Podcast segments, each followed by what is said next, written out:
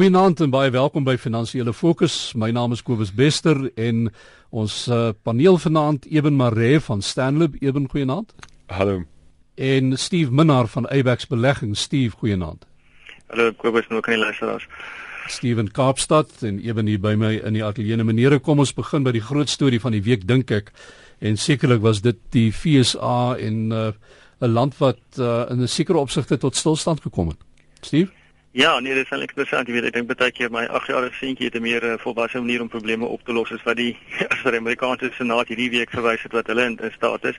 Hier is 'n nou absolute politieke balspel wat hulle daarmee besig is vir die een seks stem saam met die ander een doen rondom 'n totale verskeidenheid van gevalle, weet of dit nou van Obamacare, hulle mediese hulpskema tot 'n klomp ander stryery is en daarom sê hulle gaan net eenvoudig keer dat hulle enige nuwe begrotings deursit en daarom effektief het hulle nie begroting nie en daarom kan hulle nie ehm um, enige weet hulle kostes aangaan nie.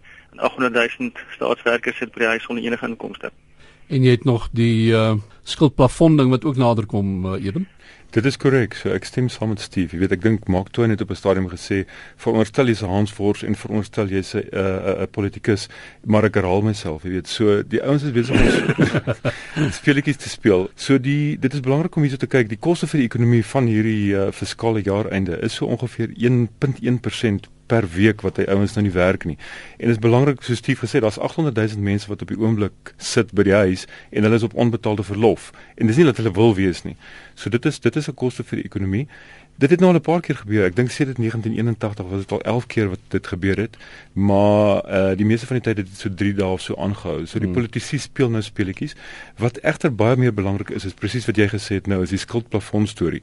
Dit het die effek hierso dat uh die FSA in 'n situasie kan inhardloop waar hulle huidige limiet van so ongeveer 16,7 triljoen skuld wat die tesourier kan aangaan, dat hulle dit kan oortref.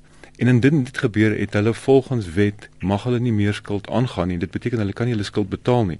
So dit beteken hulle sit fisies amper in 'n tegniese insolvente situasie. Hulle kan nie hulle skuld betaal nie. Dit het baie erge impak in terme van uh, terugbetaling van skuld en nuwe geld wat hulle dan gaan leen. En dit het uh, die implikasie, dit is 'n baie rare geval dat dit kan gebeur. Ons dink glo almal hulle sal dit nie toelaat nie. Maar as dit gebeur het dit baie dramatiese effekte op die op die markte vir vir vir ons almal.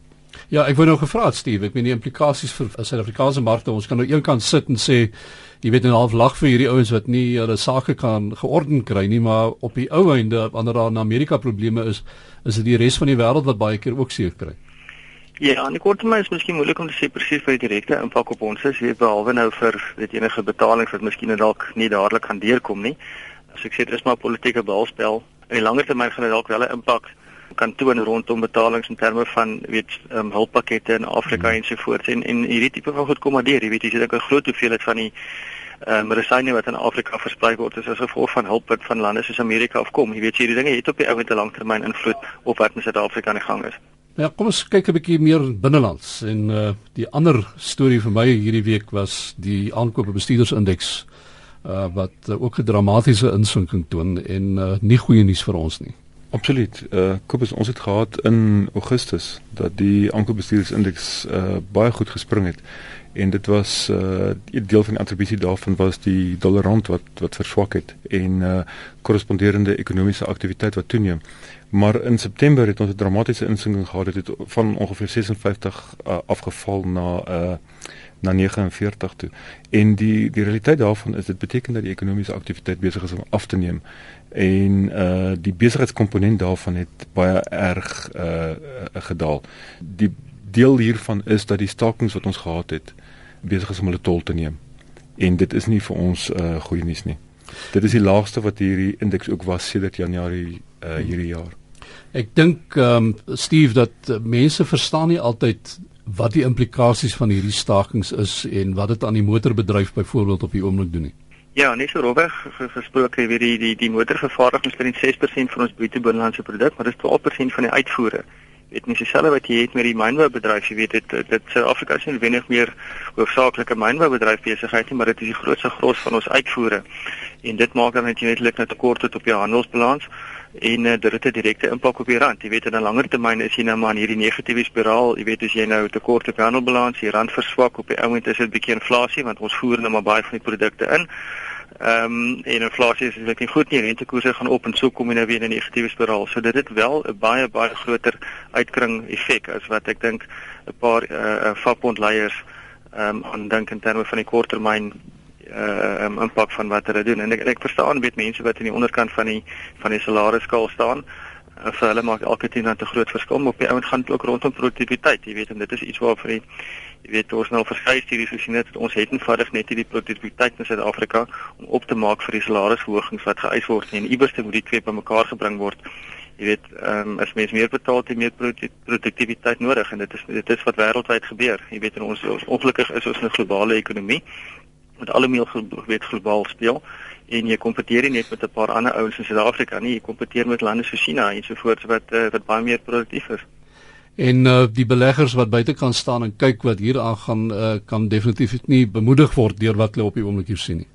Ja, nee, ek dink dit uh, weet uh, is nie iets vir, vir enigiemand se jy weet goed vir enigiemand om van buite af kyk na na wat hoe spesifiek rondom die arbeidsverhouding aangaan en daar weet vir, weer eens verskeie van die hmm. wêreldseries wys as Suid-Afrika in terme van arbeidsverhoudinge ver onder in die lys staan. Jy weet en ek dink hierdie tipe van goed weet dit maak ook nie die verhoudinge beter word nie. Jy weet ek dink daar's soveel strebeling aan die gang en en ek dink wat 'n ou miskien meer kwel rondom dit alles is omdat ons nou weet op pad is na 'n verkiesingsjaar word daar van die politieke kant af ook niks gedoen om die saak beter te maak nie. So as die politici in vorig terug staan en sê wel, ons gaan nie ons kop in hierdie bynes insteek nie. Mm. Ons gaan maar na die gang laat gaan want ons het eintlik die stemme nodig van al die van al die vakbonde en dit is my eintlik hartseer storie. Kom ons bly by die Suid-Afrikaanse situasie en 'n ander uh, belangrike gebeurtenis was die IMF uh, verslag uh, en die implikasies wat dit ook inhou. Uh, ja. Kobus, dit is baie belangrik en ek dink dit sluit aan by wat Steve gesê het. So die IMF het onlangs 'n verslag uitgesit wat gesê het dat uh, investering in Suid-Afrika is problematies en daar's drie redes. Die een is uh, die ekonomiese beleid is onseker. Uh die tweede een is die regering se onvermoë om, om die sanksies te te werk en industriële aksie hok te slaan. Derdens is daar die groeiende onsekerheid in die elektrisiteitsvoorsiening. So dit is drie goeders wat ons affekteer mm. en uh, ek dink wat dramaties na na gekyk moet word. Steve, het jy uh, iets om daar by te voeg? Ja, nee, ek het heeltemal reg. Jy weet ek uh, ek sou het hierdie week die opmerking gemaak die feit dat uh, Medupi nog nie klaar is nie. Dis nou 'n nuwe steenkoolkragsentrale van Eskom. Hier is ongeveer hulle volgens hulle sommetjie 20 miljard per jaar wat nie na Eskom toe vloei nie. Uh, ongeag natuurlik ook die 4.8 gigawatt kapasiteit wat nie in die mark ingestoot word nie. Jy weet ons elektrisiteitsverskaffing groei nie met ons gebruik in Suid-Afrika trend soveel elektrisiteit is net die Manhattan Island waar op New York staan. Hm. Jy weet nou as elektrisiteitsverskaffing nie groei beteken ons gebruik nie meer beteken nie ons groei nie die ekonomie nie ons ekonomie in terme van wat in die weet uh, werksverskaffing ook het het, het geweldige groei nodig. So ons moet ekstra weet elektrisiteit genereer en hulle moet tot een van 'n vergelyk kom om hierdie ding te kan versnel dat ons wel elektrisiteit kan kry. So daar's daar's leierskap nodig hierso dis nie iets wat 'n mens regtig op die oomblik sien nie. Ja, jy weet dit is van verskeie fronte, jy weet ek dink mense kan al die blame net vir die politici gaan lê nie. Ja. Die hier is dit is 'n komplekse storie. Ehm um, maar ja, van alle kante af eh, ek dink almal so 'n bietjie sokkies optrek en 'n uh, eh, 'n bietjie begin werk. Kom ons gaan terug Amerika toe en 'n uh, ander groot storie is natuurlik Twitter wat gaan noteer en uh, dit is self daarom 'n uh, as ons nou kyk na die syfers wat daarbey betrokke is dan is dit redelik om 'n geleerde woord te gebruik asembenemend. ja, dan ongelukkig is ons almal 'n trend triple die die, die gemiddelde ouderdom van die van die teikenmark vir Twitter, so ons praat nou miskien. ja, jy, jy moet daar, daar nie vlak kyk, jy stuur ek is 'n Twitter man, ek tweet gereeld. Ek meen dit.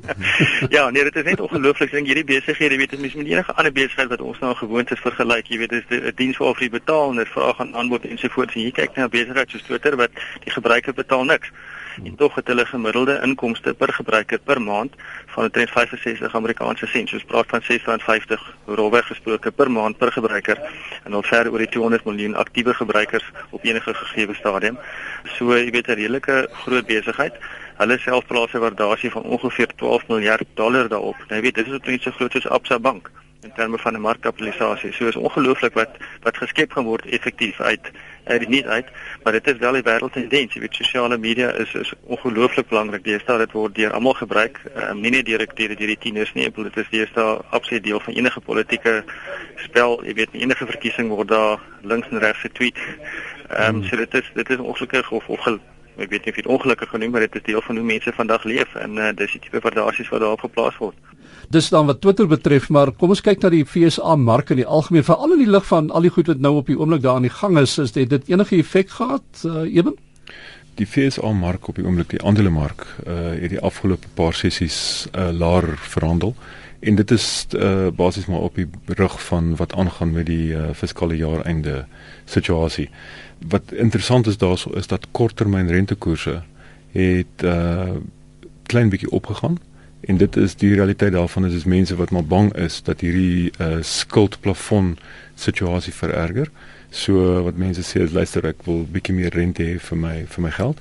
En wat mense daarso kry is dat die langtermyn staatseffekte het ook laer verhandel uh op die rug van onsekerheid.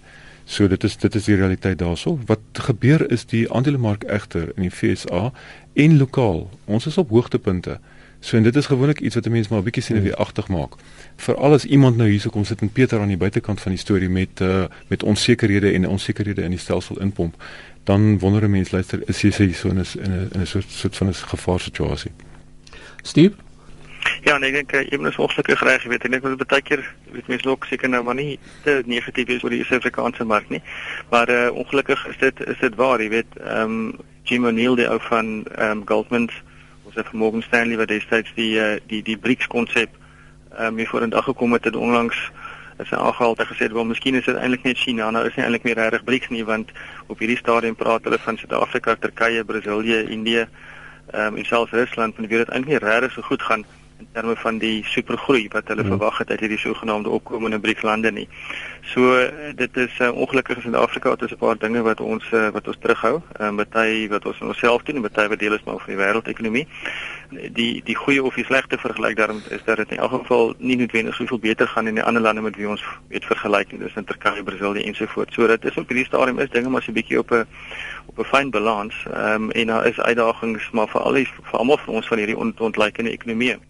Interessant hoe vinnig dit gebeur het net nou, as jy nou gou terugkyk uh, dis nou die dag wat uh, almal nog so optimisties was oor alles en dat Suid-Afrika was hierdie nuwe amper 'n mirakel of 'n wonderwerkland en nou skielik sit ons met hierdie goed wat nou voor ons lê en ja. daar moet baie dringend oplossings gekry word of die markte gaan daaronder lê. Ja. Kobus die interessantheid hierso is ook natuurlik eh, wat 'n mens moet bysit is met die situasie in die FSA uh sit ons natuurlik met die federale uh, bank wat uh die sogenaamde kwantitatiewe verslappingsprogram gehad het die afgelope paar jaar waar 'n substansiële bedrag uh geld in die ekonomie ingepomp was uh op 'n monetêre basis. En met dit wat nou in die FSA besig is om te gebeur, sal die verslapping of die wegneming daarvan hierdie program uh vertraag word. En dit is 'n positiewe ding vir ons. Oor die bietjie langer termyn sit ons dalk met daai uh, program wat 'n bietjie langer geld in die wêreldekonomie effektief in inpomp. Maar jy is heeltemal reg met wat jy sê hoe goeder verander en ek ek, ek dink baie keer sit dit mense dan wonder jy maar daar was 'n stadium soos jy sê wat dit goed gegaan het. Het dit regtig so goed gegaan of het jy was dit maar net 'n persepsie gewees hmm. en eh, die markte het 'n manier om jou terug te bring aarde toe. En dis waar ons ook nog moet terugkom aarde toe want die tyd het ons ingehaal en uh, ons gaan moet groet. Ek sê baie dankie aan Steve Minnar daar in Kaapstad van Abex Beleggings uh, vir sy deelname vanaand Steve en uh, dan Eben Maree van Stanley by my in die ateljee en uh, finansiële fokus groet tot volgende Sondag.